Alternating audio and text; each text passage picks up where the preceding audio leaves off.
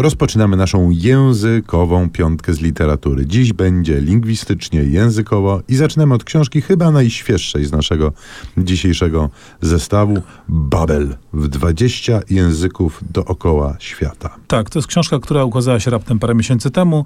Napisał ją Gaston Dorren, y, autor, którego rodzimym językiem jest język limburski. Wiesz, gdzie się limburski mówi? Nie mam pojęcia. No to jest jeden z wariantów dialektów języka niderlandzkiego, czyli gdzieś tam między Holandią a Niemcami występuje. Sam Gaston Dorren jest Holendrem w sensie narodowościowym. Książkę napisał po angielsku, ale poświęcona ona jest aż 20 różnym językom. Może wymienię tylko niektóre z nich.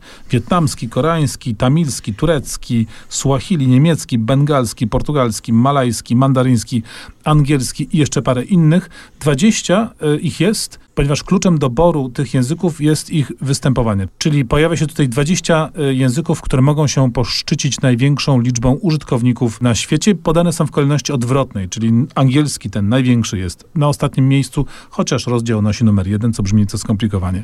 I teraz tak, to nie jest książka o nauce języków, ani książka językoznawcza jako taka, tylko przegląd bardzo różnych problemów i zjawisk, jakie językom mogą towarzyszyć. Na przykład, kiedy autor pisze o francuskim, mówi o takiej typowej francuskiej próbie kompletnej dominacji kontroli nad językiem i uregulowania go poprzez Akademię Słowniki bardzo rygorystycznie. Kiedy mówię o tureckim, skupia się na niesamowitej reformie, której poddany został ten język pierwszej połowie, czy powiedzmy pośrodku mniej więcej wieku XX, reformie zdumiewającej pod wieloma względami. Kiedy mówi o koreańskim, wnika w kwestii tonalności języków.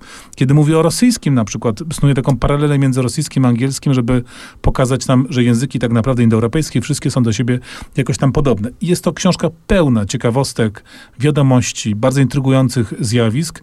Pewnie, że pozostawia w niedosycie, no bo nie sposób wyczerpać te, tych tematów na tych 400 stronach. Niemniej rzeczywiście kapitalne wejście w świat językoznawstwa i w sumie taka zachęta y, i, i dowód na to, jak ciekawą dziedziną y, tutaj się dzisiaj paramy. Chciałem powiedzieć, że dopełnieniem, ale nie dopełnieniem, książką osobną, bo traktującą o tym, czym jest język, skąd się wziął i jak go można kształtować, jest książka Daniela Everata pod tytułem Język, narzędzie kultury. To jest stosunkowo nowe kompendium całej wiedzy naszej o języku jako takim. Everett przedstawia najpopularniejsze i chyba najbardziej znane teorie, czy to Chomskiego, czy to Worfa i e, Sapira, do nich wszystkich się ustosunkowując często krytycznie.